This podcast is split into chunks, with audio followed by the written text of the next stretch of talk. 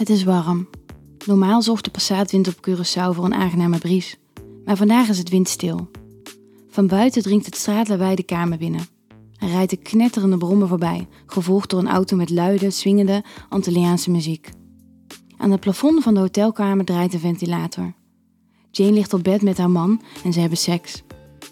Nou ja, hij is vooral bezig. Zij ligt op haar rug en haar man Ronald is bezig via de missionarishouding zich een weg naar een hoogtepunt te bewerken. Het zweet loopt over zijn rug en de kamer vult zich met zijn kreunende en zuchtende geluiden. Het is vroeg die ochtend en Jane ogen volgen in loze gedachten het draaien van de ventilator. Iets wat gedwee ondergaat ze deze liefdesdans. Ze houdt veel van Ronald en ze zijn al tien jaar bij elkaar. Als 15-jarige kregen ze verkering en waren ze elkaars eerste minnaars.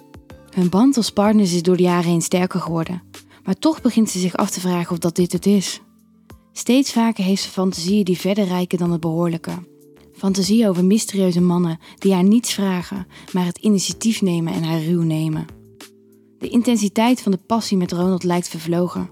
Waar ze in het begin zich soms de hele dag opsloten in de slaapkamer en elkaar orgasme na orgasma konden bezorgen, was die lust nu verdampt tot één keer per maand een exercitie van 10 minuten op en neer bewegen. Jane onder, hij boven. Ze hoort aan het gepiep van zijn geëig dat hij gaat klaarkomen. Na zijn oh ja en nog een verkrampte beweging laat hij zich als een doodstuk vlees op haar vallen, om even later van haar af te rollen. Ga je echt niet mee? Het is prachtig en ik heb voor de hele dag betaald, zegt hij tegen Jane. Nee, je weet dat duiken niets is voor mij. Maar je vond het op Aruba prachtig. Ja, maar toen zaten we in een onderzeeboot met ramen. Dat is toch iets heel anders. Mopperend staat hij op. Regel een keer iets leuks? Is het weer niet goed? Verdomme. Hij loopt naar de badkamer en gaat douchen. Jane blijft op bed liggen en zucht. Ze wacht tot ze het water van de douche hoort stromen en hij eronder staat. Dan grijpt ze de vibrator uit de tas die naast het bed staat. Meneer is dan wel klaargekomen, maar zij nog niet. Ze zet met de rechterhand de vibrator aan en drukt hem voorzichtig tegen haar clitoris aan. De trilling zorgt voor genotsgolven die door haar hele lichaam gaan. De vibraties verwarmen haar. Ze pulseren heerlijk tegen haar gevoelige huid en als ze haar ogen sluit, voelt het bijna als iemands warme, harde tong. Met haar linkerhand gaat ze over haar buik omhoog. Ze masseert haar borsten één voor één. Eerst nog zachtjes, maar naarmate het genot toeneemt, knijpt ze steeds harder in haar tepels. Dit zorgt voor een scheutgenot die direct weer naar haar buik gaat. Langzaam voelt ze hoe haar orgasme zich al in de verte aandient. Ze spreidt haar benen een beetje, zodat ze er beter bij kan. De geur van seks dringt zich haar neus. Met haar linkerhand daalt ze af en glijdt ze met haar vingers door haar schaamlippen. Ze is kletsnat van zichzelf, maar ook nog van het sperma van Ronald. Ze voelt hoe het tussen haar schaamlippen en billen loopt. Ze brengt twee vingers naar binnen en beweegt haar vingers op en neer. Normaal is ze een keurige vrouw en werkt als HR businesspartner binnen een grote organisatie. Ook haar relatie met Ronald is keurig, maar diep in haar schuilt dat woeste verlangen met een rauw randje. Als vanzelf gaat ze weer naar haar favoriete fantasie over een ontmoeting met een mysterieuze, wat oudere man die ze toevallig ontmoet. Hoe ze staan te zoenen en zijn hand onder haar rokje gaat en ruw zijn vingers bij haar naar binnen dringen.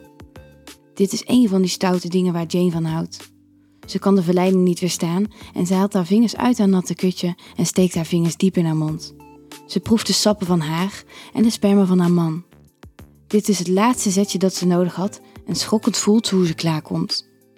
Als ze weer bij zinnen komt, hoort ze dat de douche uitgaat, terwijl ze weer naar de draaiende ventilator kijkt.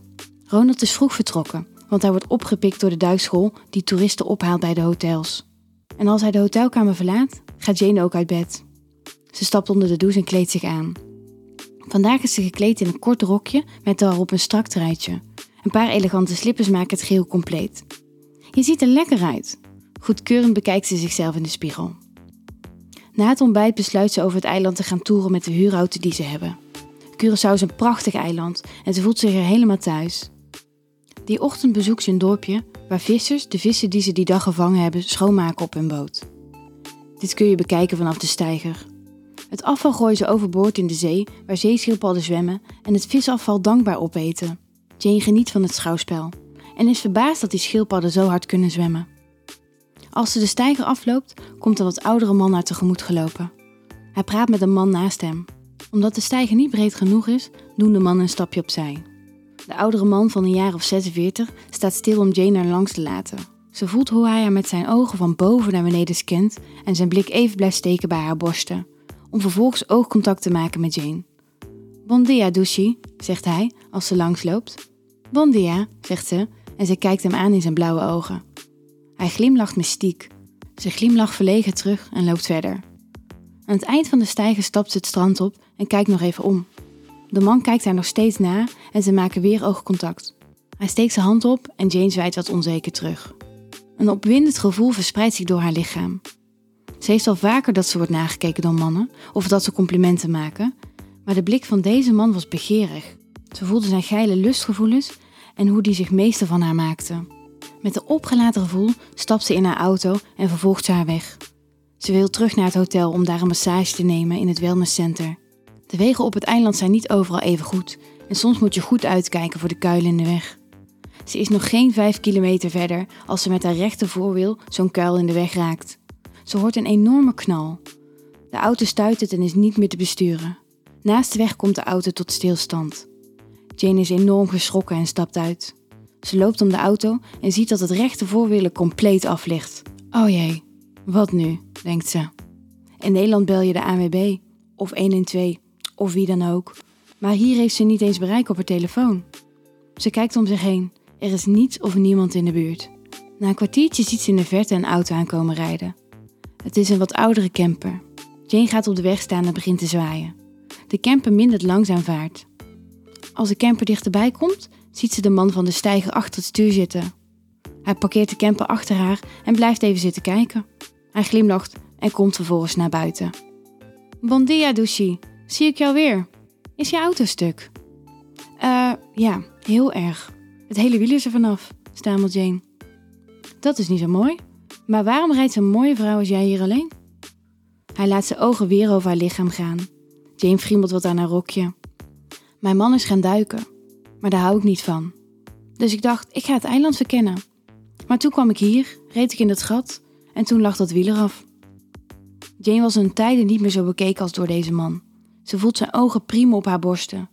Het gevoel dat even weg was, komt meteen weer terug.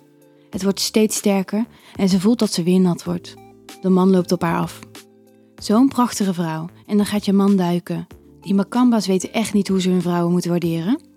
Hij staat nu heel dicht bij haar en streelt met zijn hand door haar haar. Even denkt Jane help, maar al snel zorgt haar geile gevoel ervoor dat ze weinig weerstand kan bieden. Dit is waar ze altijd over fantaseerde. En die gedachte maakt haar nog geiler. Misschien is dit wel de reden dat ze zich zo onzeker opstelt. De man merkt dit en gaat met zijn hand door haar haar naar de achterkant van haar hoofd en pakt haar vast aan haar haren. Hij heeft haar stevig vast, maar niet zo stevig dat het pijn doet. Hij kijkt haar diep aan met zijn blauwgroene ogen. Je hebt twee keuzes. Keuze 1. Ik kan je helpen je weg te komen, maar dat gaat je wat kosten.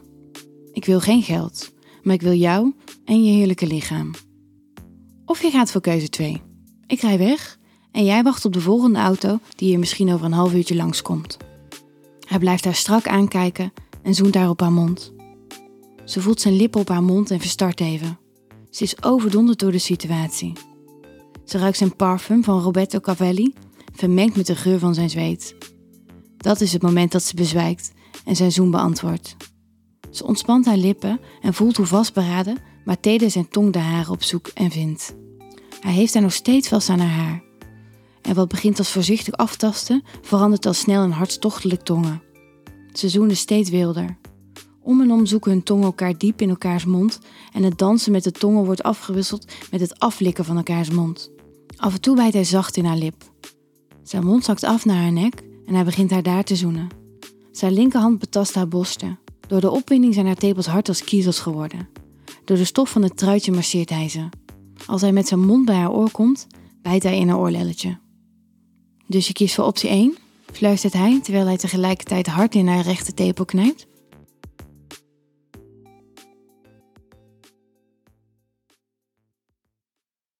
Wil jij nou meer spannende verhalen? Luister dan naar Charlie's Avonturen, een podcast van Easy Toys.